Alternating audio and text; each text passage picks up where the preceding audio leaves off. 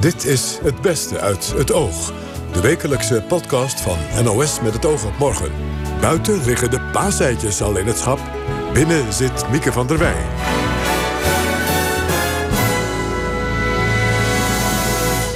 Nou, voor paaseitjes is het misschien nog wel heel erg vroeg.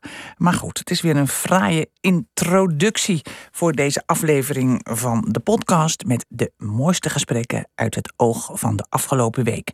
Onze vaste technologiefilosoof Hans Schnitzler maakt zich zorgen over uw en mijn data dat we eigenlijk niet goed doorhebben dat we in een hele nieuwe constellatie zitten. Een hele nieuwe, nieuw economisch paradigma waarin het inderdaad draait om niet alleen ons gedrag in kaart te brengen en ons gedrag te gaan voorspellen, maar waar ook steeds meer ons gedrag gestuurd gaat worden. Hmm, heeft u dus nog wel een eigen vrije wil? En het verhaal van het Apeldoornse Bos, de Joodse psychiatrische instelling die in 1943 door de Duitsers werd ontruimd omdat de bewoners zogenaamd gingen verhuizen. Personeelsleden hebben toen dus degene die gebleven zijn, hebben heel lief koffers gepakt voor patiënten. Medicijnen erin gedaan, met grote letters hun namen en geboortedata erop geschreven. Lunch, honderden lunchpakketten in witte katoenen servetten uh, gemaakt. En gedacht, nou oké, wij gaan rustig ergens anders naartoe. Maar van de weggevoerde patiënten en verpleegkundigen keerde niemand ooit terug.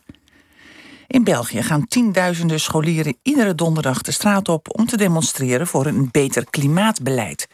Lucella Carrasso sprak met twee scholieren uit Den Haag, Stijn Warmerhoven en Damien Kessler. Ze zijn druk bezig om de eerste demonstratie in Nederland te organiseren. Als eerste vroeg Lucella aan Stijn of hij zich door de Belgische klimaatspijbelaars had laten inspireren. Na de eerste staking in België had ik een bericht gestuurd naar uh, een aantal mensen op school. En ik heb gezegd, jongens, dit moeten we ook gaan doen. Dit is zo gaaf. En in Nederland, ik had al gelezen, het klimaatakkoord was toch niet echt goed. Uh, de milieuorganisaties waren van tafel gelopen. Dus op een gegeven moment dacht ik, nou, dit is ons moment als Nederlanders om nu België te gaan volgen. Want had jij gelezen dat het klimaatakkoord niet goed was? Of heb je het ook zelf gelezen en oordeelde je dit is niet goed? Nee, ik heb het zelf ook gelezen. En zeker wel met een vooroordeel, dan moet ik wel eerlijk zeggen, dat ja? natuurlijk niet echt rekening is dat de milieuorganisaties in ieder geval weg zijn gelopen. En, en welk vooroordeel had je? Nou, dat het inderdaad niet zo heel uh, ja, geloofwaardig klimaatakkoord zou zijn. Want uh, de milieuorganisaties die staan natuurlijk wel ergens voor. En als die weglopen, dan ja, is dat natuurlijk een beetje half werk. Want wat miste jij bijvoorbeeld in dat akkoord? Was dat iets concreets? Um, CO2-heffing voor echt heel de industrie. En niet alleen voor de steenkolen en de gascentrales. En Damian, heb jij het ook gelezen, dat akkoord? Ik heb het zelf niet gelezen, maar ik heb natuurlijk in een vergadering krijg ik er ontzettend veel uh, mee. En uh, nou ja, wij hebben eigenlijk allemaal hetzelfde doel. Uh, dus inderdaad, wat hij ook zegt, CO2. En wat je dan in het Nederlandse klimaatakkoord uh, ziet. En dan het Parijsakkoord, de 2 graden, wat we eigenlijk zelf naar anderhalf liever willen. Want zijn jullie het ook eens? Want jullie hebben dus vergaderingen kennelijk. Van ja. wat, wat zijn onze belangrijkste punten? Zijn jullie het daarover eens? Of zijn dat hele ja, discussies op de Daltonschool? Nou, op een gegeven moment waren er natuurlijk wel een aantal puntjes. Hoe gaan we het overbrengen naar iedereen? dat was wel grappig. Had je toch wel weer kleine verschilletjes. Mm -hmm. Maar uiteindelijk wordt er wel een compromis gesloten. En dan uiteindelijk zijn we het wel met elkaar eens. Ja. En hebben jullie daarbij advies gekregen van mensen van buitenschool? Nou, we zijn eigenlijk eerst uh, bij onszelf begonnen. En uh, nou ja, het ging zeg maar. Uh, uiteindelijk hebben we contact gekregen met uh, bijvoorbeeld andere groepen die ons heel erg willen helpen. Maar het is bij ons. En wat begonnen. zijn dat voor groepen? Uh, bijvoorbeeld Greenpeace, uh, die heeft uh, hulp aangeboden. ehm, Wereld Natuurfonds, ja. Milieudefensie, Jongeren voor het Klimaat, Ouderen voor het Klimaat. En, en Stijn, hoe zorg je er dan voor dat je je niet op sleeptouw laat nemen door één bepaalde groep met, met een eigen doel? Nou, dat is inderdaad best lastig. We zijn ook door heel, bijna elke linkse politieke partij zijn we benaderd. En we willen echt politiek onafhankelijk blijven. Want we zijn echt, dit is ons, onze enige agenda. En dat is het klimaat. Want, want Jesse Klaver hing aan de lijn? Nee, dat niet, maar wel een medewerker uh, van GroenLinks. Van GroenLinks en ook de jongeren, PvdA ook, denk ik? Ja, de jongeren van partij, PvdA. inderdaad. PvdA. Ja, D66 of dat dan niet als coalitiepartij? Nee, die, niet nog nee. niet. Die hebben niet gebeld. Nee, nee. Nee. duidelijk de wel, uh, oppositie. wel jongere uh, partij ook die ons uh, nou, heeft benaderd niet, maar wel mensen die zeiden dat we bij ze moesten aansluiten. En uh, nou ja, hoe ik het eigenlijk altijd zeg, we zijn een klimaatstroming en geen politieke partij. Ja, en, en Damian, zijn jullie daar dan nog over geadviseerd? Van jongens, pas op, dat moet je niet doen? Of hebben jullie dat Nou, uh, zelf in een vergadering met België is ons uh, zeker aangeraden... ja, jullie zijn een klimaatstroming inderdaad. Geen politieke partij. Hou daar afstand van totdat je in vergadering gaat tot misschien een beter klimaatakkoord of ja, dat soort dingen. En Greenpeace, dat is dan geen probleem. Dat advies kregen jullie niet uit uh, België van pas ook op met de actiegroepen en de belanghebbenden. Nou ja, we willen niet daar gaan rondlopen met Greenpeace shirts. Dat is zeker niet het uh, idee.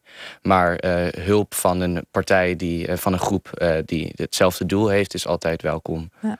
En toen moest je natuurlijk toestemming vragen, denk ik, aan de burgemeester. Ja. Stijn, hoe, hoe hebben jullie het aangepakt? Nou, we hebben de taken verdeeld. Bijvoorbeeld Jordan, hij is hij doet alle contact met de gemeente. En uh, nou, we hebben een heel mediateam. Dus zeg maar vier mensen doen de media. De Vanuit school? Of zijn er ook inmiddels grote eh, mediabedrijven die zich bij jullie hebben gemeld van we kunnen wel wat advies geven? Allemaal scholieren. Allemaal we zijn echt allemaal scholieren. Ja. groep. Ja. ja. En uh, we hebben, ja, iedereen heeft zeg maar zijn eigen taak. En onze taak is toevallig een beetje mensen te woord staan en een beetje de media te woord staan.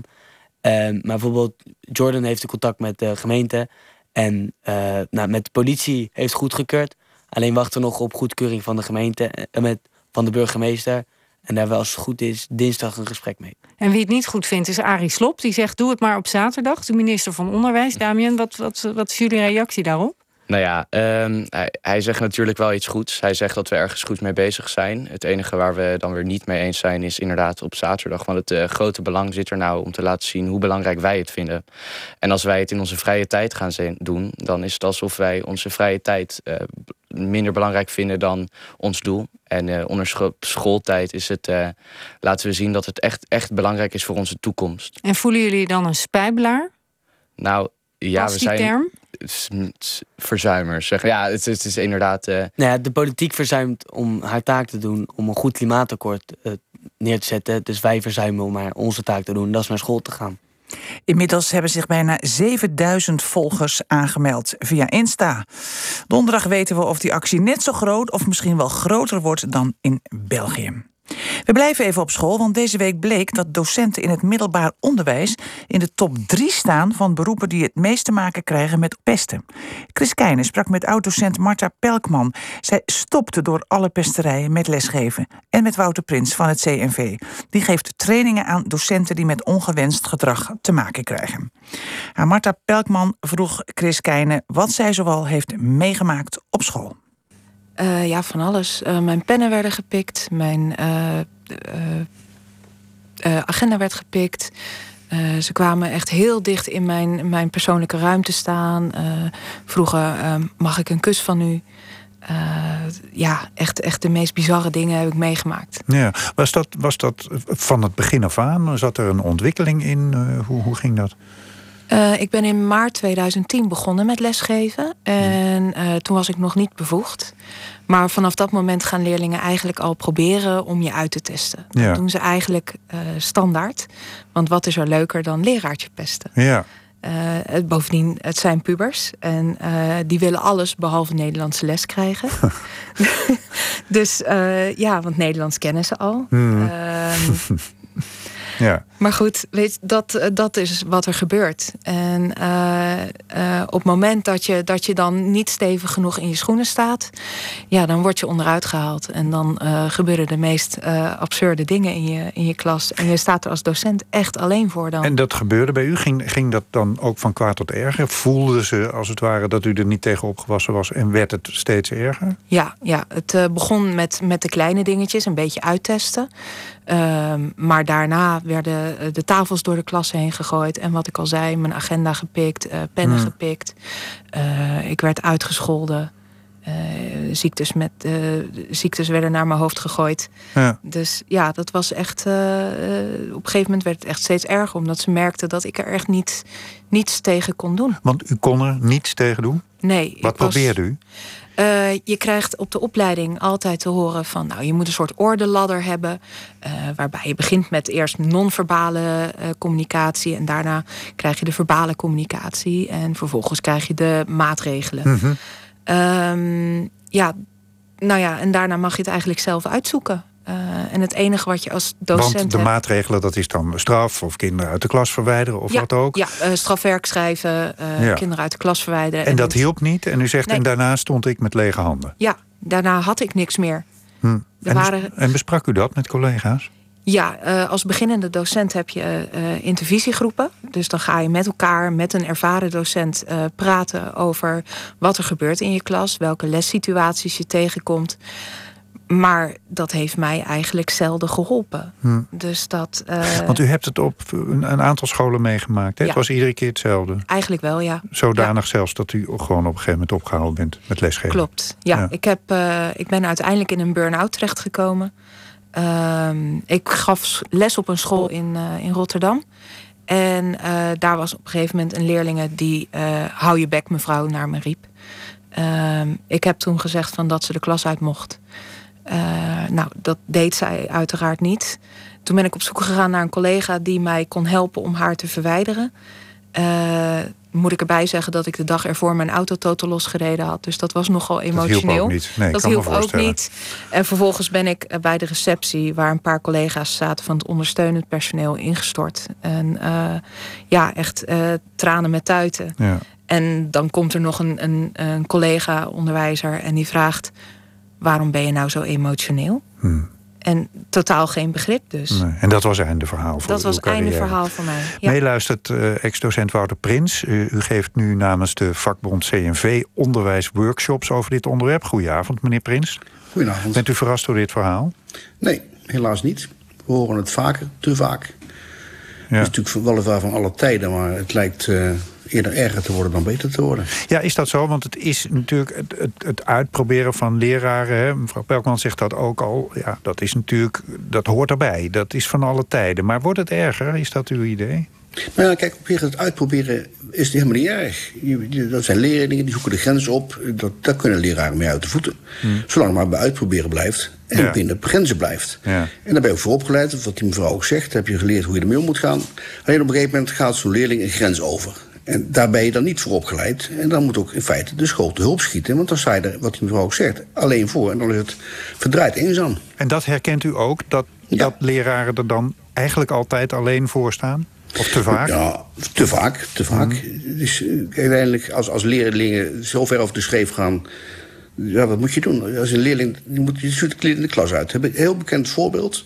Het kind gaat niet. Ja, en nu? Je, moet het kind niet beetpakken, dat mag niet, dus dat wil je ook niet. Daar hebben we nog een voorbeeld van gezien, hè, vorige week. Van, uh, van de, de, de, de nekgrijper. Uh, ik weet niet hoe die inmiddels bekend staat. Maar een meneer in, uh, in, in Noord-Holland ergens... die pakte Klopt. een leerling die echt uh, stierlijk vervelend was... op een gegeven moment bij zijn nek. Hij had zelfs al een kruk tegen zijn benen gehad. Ja, en die, en die, leraar, die leraar kreeg het voor zijn kiezen. Nou, dat is dus wat ik zeg. Kijk, op een gegeven moment, eh, je pedagogische opdracht, die houdt op. Je kunt vatten met een leraar die omgaat met een geintje... en met je pesten, een beetje met uitzoeken, een beetje met uitdagen. Maar op een gegeven moment is de grens overschreden. En dan moet die leraar dus geholpen worden. Die moet uit dat probleem komen. Dat betekent gewoon dat dan de school, het schoolbestuur... die moet zeggen, luister even hier, die gaan we niet pikken. Nee. Kijk, je kunt natuurlijk als het eenmaal aan de hand is, dan ben je aan de late kant natuurlijk. Maar je kunt afspraken met de kinderen. Want dit zijn de regels. Dit gedrag doen we hier wel, dit gedrag doen we hier niet. En als je niet aan de regels houdt, dan heb jij een probleem. Namelijk het volgende. Nou, die regels zijn er niet altijd. Zijn er vaak wel, maar niet altijd.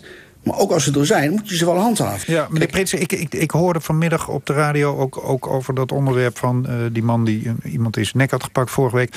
Ja, dat, het, dat het ook een soort structurele opvatting is in het onderwijs. Dat je positief uh, gedrag moet stimuleren. Hè? Dus dat je niet moet gaan straffen enzovoort. Is, is dat inderdaad een soort structurele scheefheid in het onderwijs? Dat, er, dat men een beetje te bang is om hard op te treden of te straffen? Je, je hebt normaal gedrag en je hebt normaal een beetje wangedrag. En dat kan een leraar prima oplossen met strafwerk en met boze blikken en met goede gesprekken. Maar als je daar overheen gaat, dan moet de leraar daar gewoon van afgehaald worden. Ja. En ik vind ook, kijk, een leraar die op een gegeven moment in zo'n situatie terechtkomt, die moet je niet coachen. Je moet iets aan die leerling doen. Ja. Nee, maar dat begrijp ik. Maar waarom gebeurt dat dan niet? Waarom doen schoolbesturen dat dan niet? Nou, er zijn natuurlijk wel schoolbesturen die het wel doen, dat is duidelijk. Alleen er zijn ook schoolbesturen nog steeds die het liever onder de mat vegen want ja, dat is toch wel lastig voor de reputatie van de school. Ja, ja. Er zijn schoolbesturen waarvan je de indruk krijgt dat de leerling uh, eerder wordt gesteund en, en geholpen dan het personeel. Ik, ik heb ook grote moeite met schoolbestuur die eigenlijk onvoldoende achter hun leerkrachten staan. Ja. Deze mevrouw verhaal is duidelijk. Die, die, meneer waar je het over had, dat is ook een duidelijk verhaal. Een schoolbestuur laat het gewoon afweten naar die leraar toe. Oké. Mevrouw Pelkman, hoe gaat het nu met u? Ja, met mij gaat het heel goed. Ja, ja gelukkig wel. Ik ben er zelf uiteindelijk uh, overheen gekomen over de ervaringen die ik heb gehad.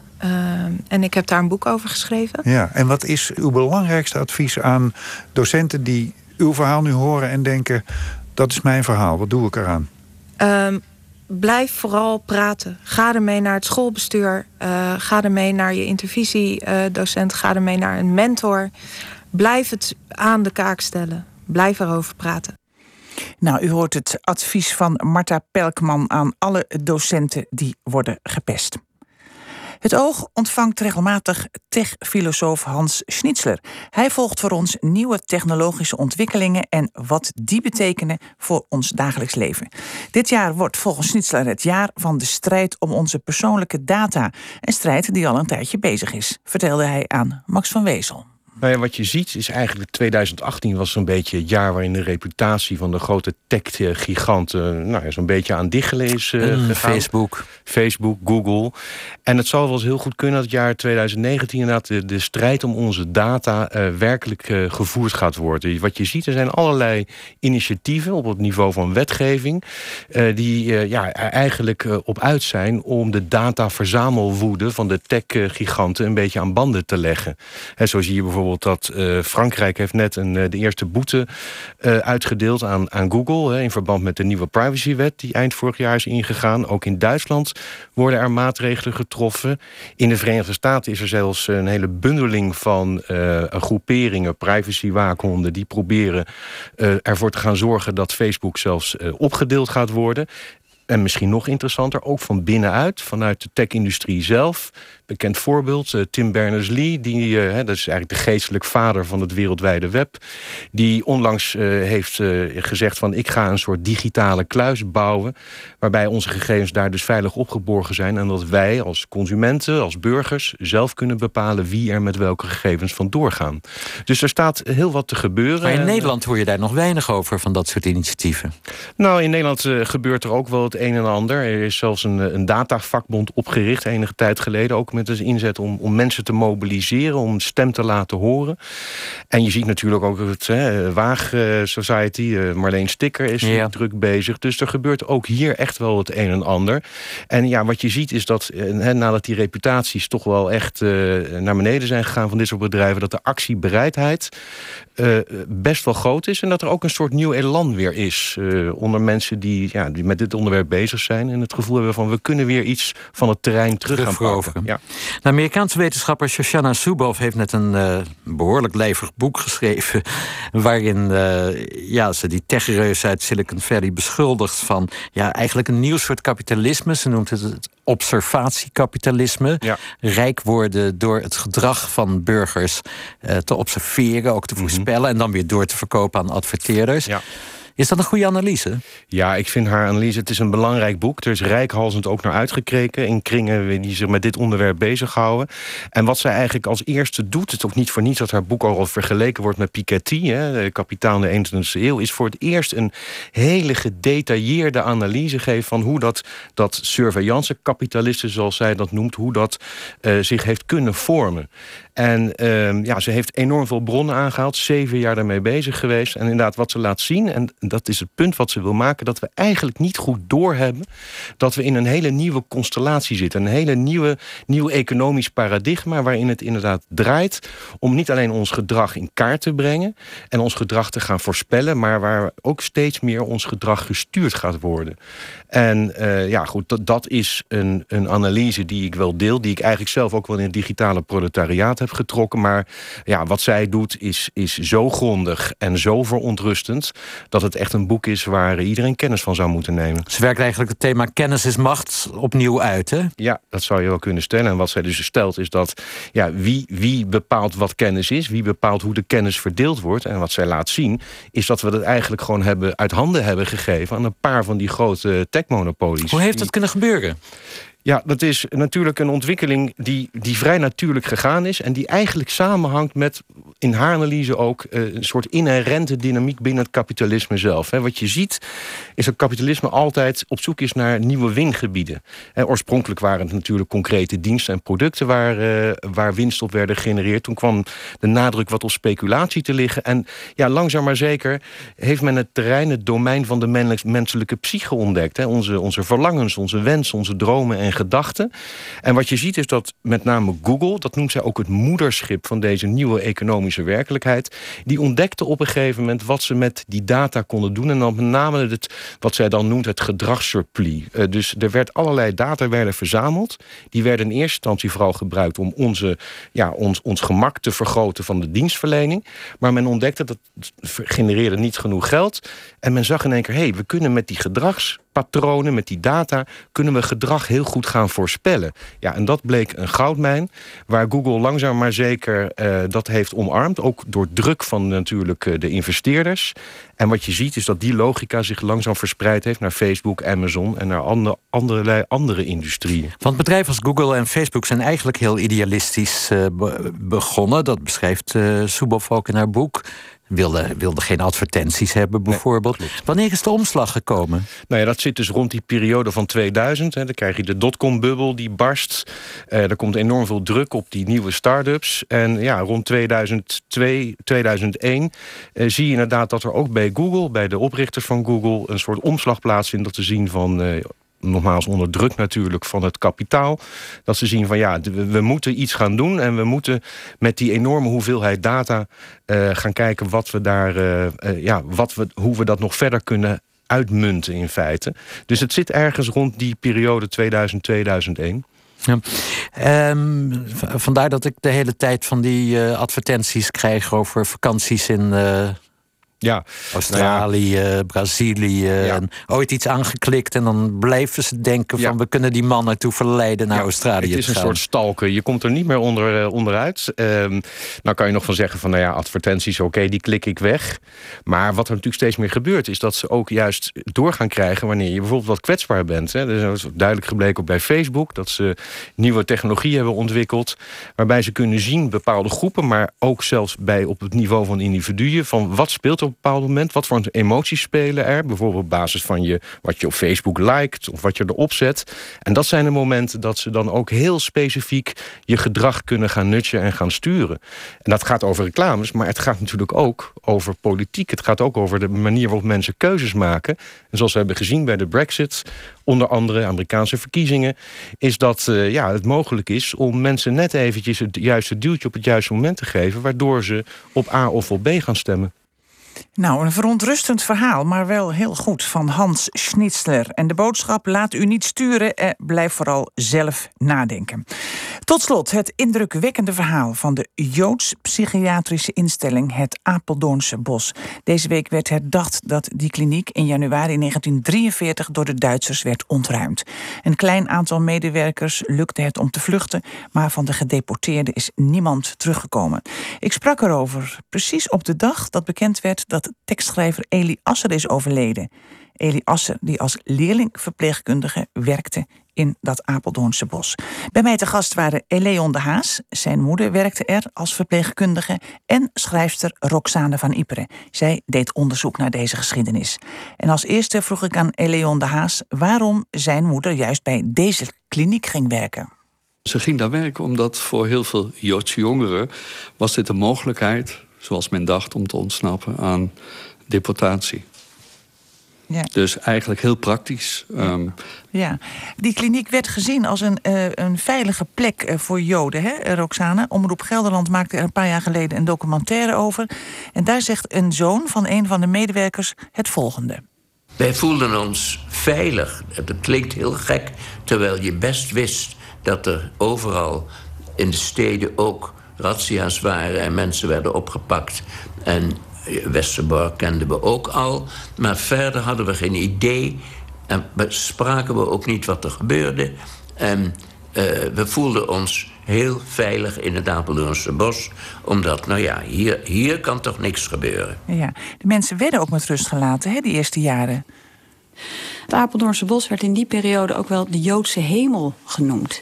En waarom was dat? Omdat nou ja, sowieso de eerste 2,5 jaar van de bezetting um, kregen zij daar weinig van mee. Dus de, alle verordeningen en de, de onderdrukkende maatregelen... die raakten de mensen op het enorme terrein niet. Dus de bewegingsvrijheid was daar uh, eigenlijk hetzelfde. En toen um, op 1 april 42 al het niet-Joodse personeel verplicht werd weggestuurd. En ik denk dat dat de periode is geweest dat uw moeder daar ook naartoe is gegaan, en Eli Asser. Um, toen moest dat vervangen worden door Joods personeel. En ja, werd daar van alles en nog wat aangenomen... wat ook nog niet inderdaad de, uh, gediplomeerd was.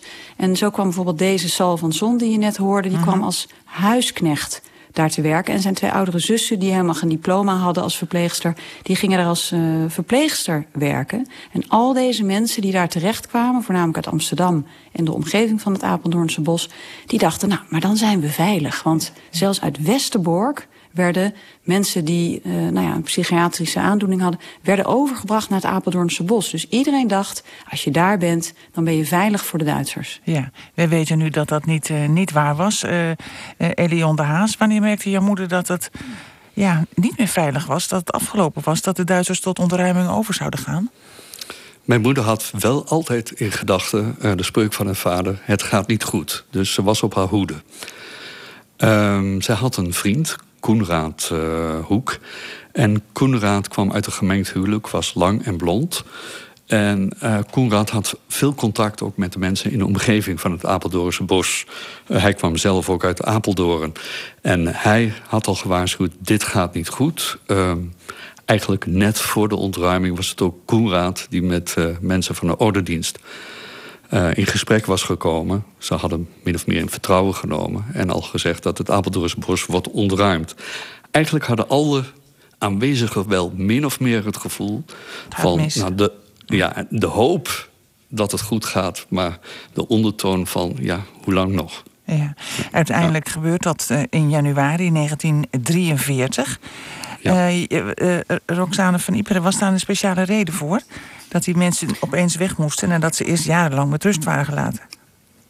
Ja, dat is eigenlijk, uh, uh, kwam dat doordat um, op 11 januari, uh, begin 43 dus, kwam um, Auster-Funten, Ferdinand Auster-Funten, de Hauptsturmführer, die nou, eigenlijk een beetje officieus belast was met de deportatie van Nederlandse Joden.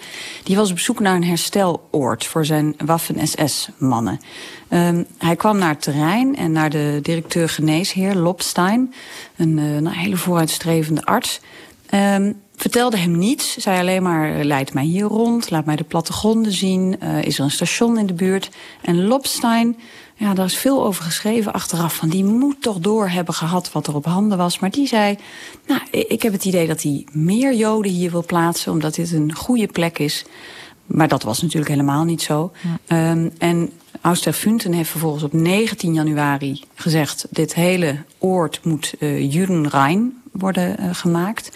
En wat eigenlijk heel veel mensen, waarschijnlijk ook uw moeder, het leven heeft gered, is het feit dat de uh, hulptroepen die Austerfunten nodig had voor die ontruiming van nou ja, uh, 12, bijna 1300 mensen, die kwamen een dag te vroeg. En dat was een foutje.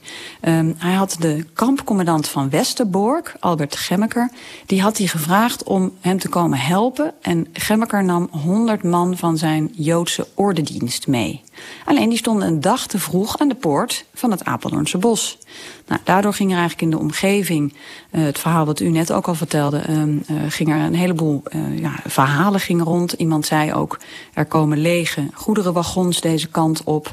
Uh, nou ja, maak dat je wegkomt. En zo hebben uh, nou ja, rond de 200 personeelsleden en uh, 80 lichte patiënten... hebben dus een dag van tevoren um, zich uit de voeten kunnen maken. Ja.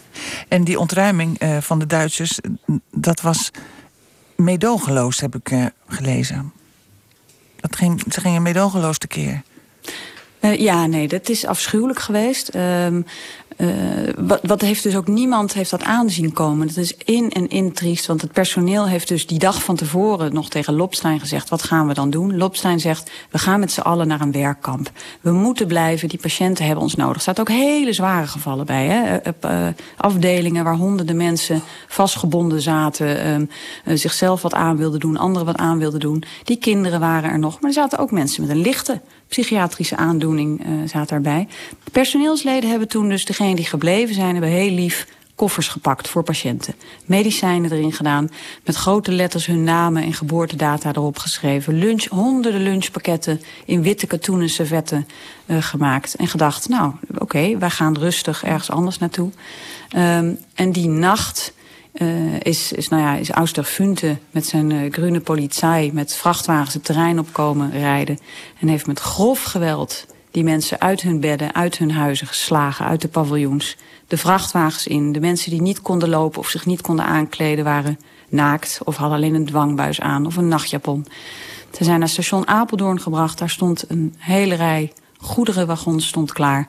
En nou ja, wat zich daar heeft afgespeeld, uh, dat gaat echt ieder menselijk voorstellingsvermogen te boven.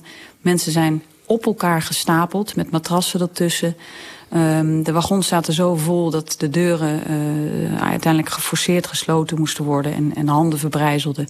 Um, nou ja, het, de details die ik, die ik allemaal ben tegengekomen in, in al het onderzoek wat ik heb gedaan, uh, zijn, zijn gruwelijk. Ja. Edi Aster, ik noemde hem al, was leerling verpleegkundige hè, op het moment dat, uh, dat de deportatie aan, de, de, aan de gang was. En hij stond dus ook voor dat dilemma, vluchten of meegaan. Hij, hij zei er later dit over. Daar was een hevige discussie over vluchten of meegaan met de patiënten. Ben je verantwoordelijk voor die patiënten? Moet je met ze meegaan? Moet je geloof hechten aan de, aan de gruwelverhalen dat, dat niemand meer levend terugkomt? Of moet je denken, dat, dat kan toch niet, dat doen die Duitsers toch niet... en ben je dan verplicht om met die mensen mee te gaan? Ben je een verrader als je wegloopt? Of ben je juist een held als je wegloopt? Moet je de deuren opengooien van het gesticht? Dat waren de, dilemma's waar wij voor stonden. Of moet je verdwijnen? Ja, meneer De Haas, uh, uh, Elion De Haas, je moeder stond uh, voor datzelfde dilemma. Hè? Zij koos er ook voor om te vluchten, net als Eli Assen. Heeft ze wel eens met je daarover gesproken? Ze heeft daar wel met mij over gesproken. Maar eigenlijk het verhaal kwam ik pas later helemaal te weten... toen Suzette Wijs, een journalist, uh, al deze verhalen optekende. En die reportages heb ik toen ook uh, bekeken. Uh, ja, mijn moeder beschermde, net zoals mijn vader, ons toch een klein beetje voor de harde waarheid. Al moet ik wel zeggen dat jaarlijks ging ze naar de herdenking van Apeldoornse Bos. Ontmoette daar ook Sal van Son. En ja, ze waren een klein clubje, toch wel een vaste kern. in ieder geval, zij ontsnapte en zij zou samen ontsnappen met jongen die ze daar heeft leren kennen, Koen. Koen was tuinman en uh, had een vluchtroute al georganiseerd, maar op het laatste moment bedacht Koen zich. Hij bleef bij de patiënten. Mijn moeder had al een koffer gezet in een schuurtje waar tuingereedschap stond. Koffer was op dat moment weg. Toen ze doorgerend. Ze dacht, nou ja, ehm, ze zien mij, dit zal wel, dit kan helemaal fout aflopen. Geen schot gelost. Ze is daar bij de boer terechtgekomen die Koen had georganiseerd. Ze is daar in slaap gevallen, zegt ze. De volgende dag, toen uh, vroeg opgestaan. Boer zei, fijn dat je hebt geslapen... want het is vannacht afschuwelijk geweest. De lawaai enzovoort. Ja. Ja. Morgen is er een jaarlijkse herdenking. Ga je daar naartoe? Ja, ik ga er naartoe, samen met mijn broer. Ja. En uh, Roxane van Ieper, er zijn niet veel mensen... of helemaal niemand teruggekomen, hè? Weet je dat toevallig? Nee, van dit uh, hele transport wat naar Auschwitz gebracht is, is uh, helemaal niemand teruggekomen. En nou ja, de, de, de getuigenissen over de aankomst daar. Er is nog steeds niet helemaal zeker hoeveel dagen die trein er nou over heeft gedaan. Uh, sommigen zeggen uh, drie dagen, wat redelijk standaard was. Uh, maar anderen zeggen, omdat de getuigenissen die daar op perron stonden... om de mensen te ontvangen toen ze uit die trein kwamen, die zeggen... nou de meeste lichamen die onderweg overleden waren... waren al in zo vergaande staat van ontbinding. Dat zou wel eens twaalf dagen geweest kunnen zijn... dat die trein onderweg is geweest. Uh, ja, in de standaardwerken zijn er twee... Uh, versies van, van, van de afloop, maar allebei zijn ze niet goed. Uh, dus de standaardwerken van Presser en, uh, en, en dokter de Jong. En de een zegt, nou ja, ze zijn de mensen die nog konden lopen... die zijn meteen uh, de gaskamers ingejaagd. En de andere versie zegt, nou, de gaskamers zijn overgeslagen. En deze mensen zijn rechtstreeks in de grote vuurkuilen gegooid... waar de mensen uit de, waar de lichamen uit de gaskamers normaal uh, verbrand werden. Maar zij zijn levend die kuilen in gegooid. Een verschrikkelijk verhaal. Belangrijk uh, dat het in ieder geval steeds herdacht wordt. En dit was uh, het beste voor deze week. Graag tot uh, volgende week, dan is er weer een podcast. Ik ga nu de druilerige dag in. Dag.